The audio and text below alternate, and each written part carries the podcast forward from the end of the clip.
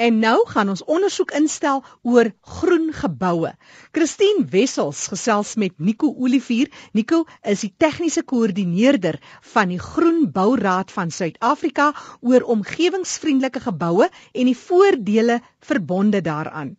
Nou die twee sit op 'n dak in Kaapstad en hulle gesels oor die 5-ster groen gebou se dak wat omskep is in 'n pragtige inheemse park. Kom ons sluit aan by Christine. Nico, jy is die tegniese koördineerder van die Groen Bouraad van Suid-Afrika en ons sit hier bo op 'n gebou, die Aricon gebou in Century City. So ons kan vir Tafelberg sien, maar hierdie dak lyk baie anders as baie ander geboue en van hier af kan ek nie sien dat enige ander dakke so mooi lyk nie, want hier is 'n tuin bo op die dak. So voordat ons praat oor hierdie gebou wat een van die vele groen geboue is in Suid-Afrika, die Groen Bouraad van Suid-Afrika in Engels staan bekend as die Green Building Council of South Africa. Wie is julle? Die GBCSA is 'n onafhanklike 'n uh, nuwe winsgewende maatskappy en hulle is gestig om die transformasie van die Suid-Afrikaanse eiendommark te lei tot volhoubaarheid van die omgewing. Die doel is om te verseker dat alle geboue ontwerp, gebou en bedryf word in 'n omgewingsvriendelike volhoubare manier vir Suid-Afrikaners om in te woon en nie net dit nie, maar ook om in te werk in 'n gesonde, doeltreffende en 'n produktiewe omgewing. Dis baie interessant dat jy sê ehm um, dat dit gaan ook oor 'n gesonde werksomgewing. Mens spandeer so baie tyd by die werk, so dit is belangrik dis dat ons kyk na ons werksomgewing en dat dit 'n gesonde omgewing is. Julle is ook dan deel van die World Green Building Council. Vertel ons daarvan. Jy het ook al heelwat internasionaal gewerk. Ja, ehm um, jong, die wêreld se uh, Green Building Council is in 2002 gestig met 8 groen bourade. Ehm um, vandag het ons 91 bourade wat meer as 20000 maatskappye reg oor die volle kontinuum van internasionale eiendom ontwerp konstruksie en finansiële bedrywe. Die Wêreld Green Building Council is die grootste organisasie wat die globale groen gebouagenda beïnvloed. Ja, so uh, hulle is die koördineerende liggaam vir die internasionale groenbourade en die GBCSA het die 13de volle lid van die raad van die uh, Wêreld GBC in September 2008 geword. Die Wêreld GBC is het die enigste gesag om aan te stel vir die vorming van die Green Building Rade reg oor die wêreld. As ons praat van die Groen Bouraad van Suid-Afrika, julle is dis landwyd. Ons is gestig in Kaapstad, die hoofkantore, maar ja, ons ons werk eh, is 'n nasionale um, raad wat die hele Suid-Afrika eh, se se geboue kan gradeer en ons gee ook uh, opleiding en opvoeding reg oor die land. So as ons nou praat van die graderingsstelsel, jy praat van die Green Star SA stelsel. So wat behels dit en hoe werk dit? Ja, die die Green Star stelsel is is 'n graderingsstelsel wat gebaseer is op die Australiese um, Green Star om eiendom te voorsien met 'n uh, objektiewe maatstaf vir groen geboue en leiding in die eiendomsbedryf en ons wil hulle erken en beloon daarvoor. So die graderingsinstrument bestaan uit 9 omgewingskategorieë. Om hulle vinnig te noem, die een is bestuur, binnehuise omgewingskwaliteit, energie, vervoer, water, materiale, landgebruik en ekologie emissies en dan die finale een is innovasie. Wel die nege kategorieë word verdeel in krediete waarvan elke krediet 'n inisiatief het waarop uh, gemik is om die prestasie van die omgewing te verbeter. Soos ons nou hier sit, sit ons in 'n 5-ster gebou wat gelyk staan is in 'n Suid-Afrikaanse uitnemendheid. Maar dan kry jy ook die een net laer is dit wat 'n 4 ster is, ehm um, wat beste praktyk is en die hoogste wat jy kan kry is 'n uh, 6 ster wêreldleierskap soos jy nou genoem het, dit wek 'n bewustheid van 'n groen gebou se voordele. Hier was dan net 'n by wat om my kop gedraai het. Ek het al heelwat uh, navorsing gedoen daaroor en opgelees oor hierdie groen dakke, green roofs dat al plante of groentetuine, kostuine geskep word bo op geboue. En een voordeel daarvan is natuurlik dit lok insekte. So daar's nou 'n spreekwoordelike voorbeeld van die by wat om ons koppe draai.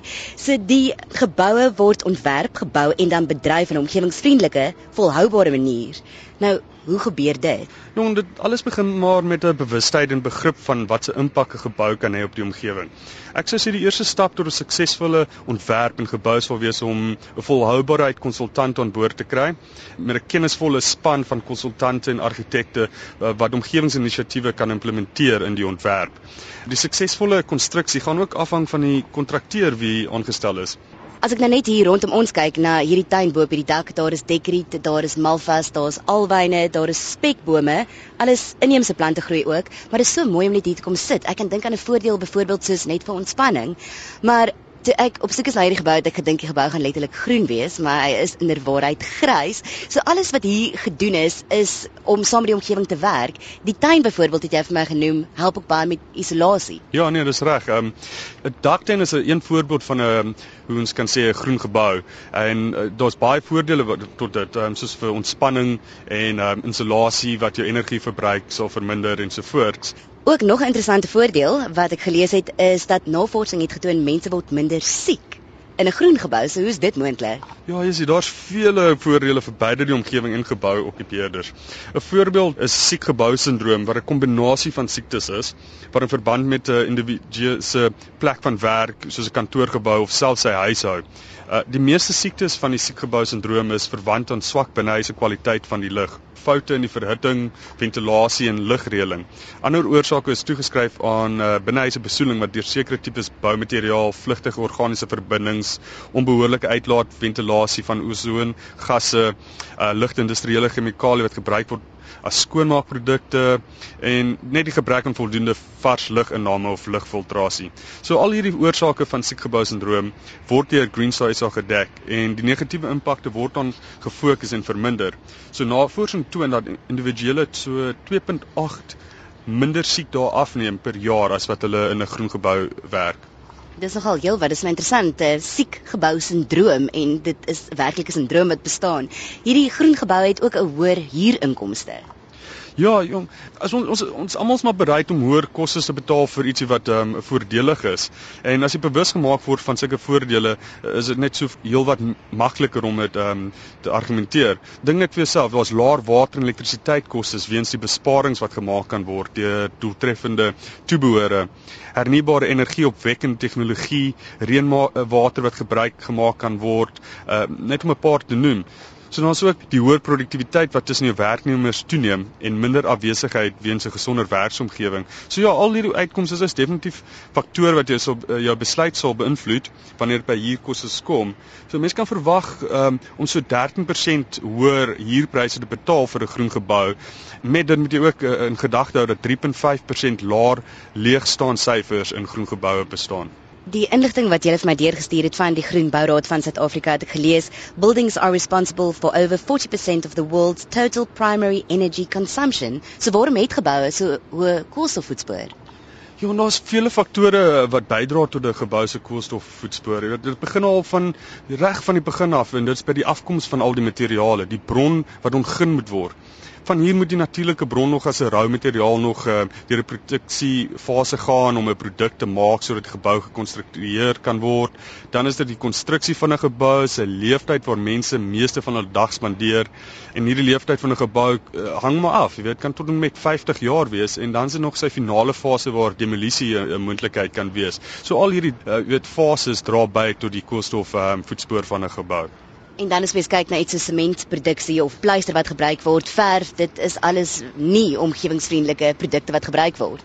Ja, eh, daar is sekere produkte wat omgewingsvriendelik is en uh, ander produkte wat vraggies aan die hele ander kant van die spektrum is.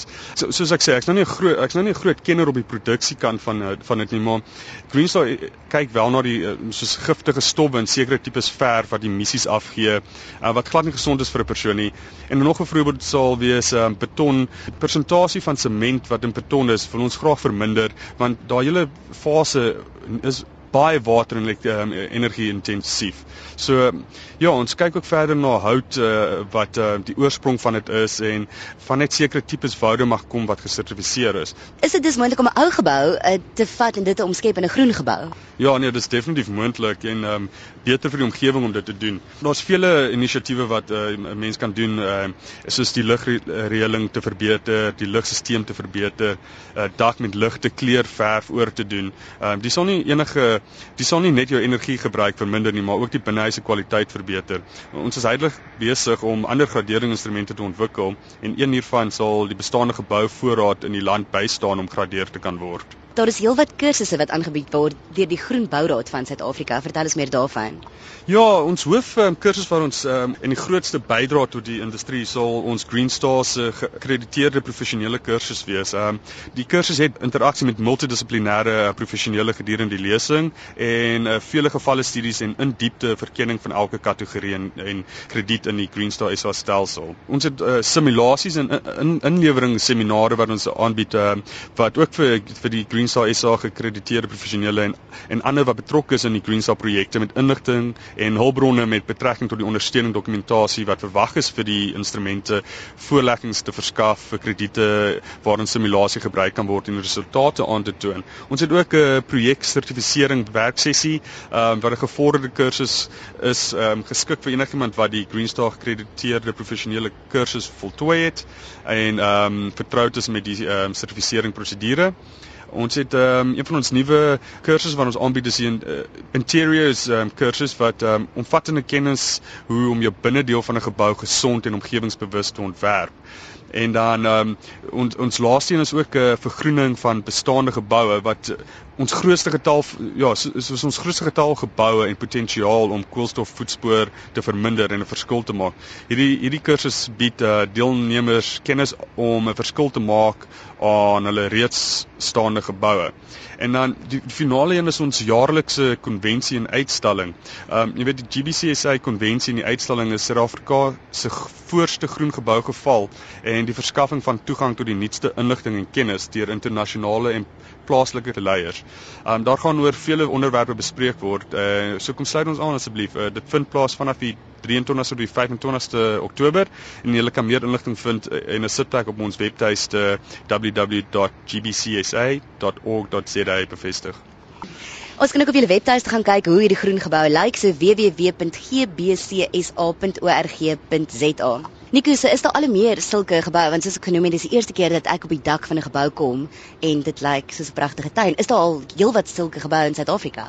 Ek is nie bewus van Suid-Afrika as 'n industrie met die groen dak. Ehm, um, maar dit is 'n nuwe heelwat 'n nuwe industrie en ehm um, daar kan baie meer uitgevind word. Daar's 'n daar's 'n ehm um, 'n raad wat geskep was vir die groen groen dak in Suid-Afrika. Maar ja, internasionaal is dit baie groot uh, industrie. Die mense neem groot uh, stappe en ehm um, daar's 'n gebou in Durban staan op die oomblik wat omtrent 9000 verskillende uh, spesies op hulle dak het. So ja nee, dis is iets wat definitief gaan groei en dit, ek sal dit baie graag wil ehm um, wil sien groei. En so gesels Nico Olivier, tegniese koördineerder van die Groen Bouraad van Suid-Afrika. Vir meer inligting oor groen geboue in Suid-Afrika, besoek www.gbcsa.org.za. My e-posadres is christine@rsg.co.za. Christine Wessels wat gesels het met Nico Olivier, tegniese koördineerder van die Groen Bouraad van Suid-Afrika oor omgewingsvriendelike geboue en die voordele daaraan verbonde. Net weer daai webtuiste, dis www.gbcsa.org.za.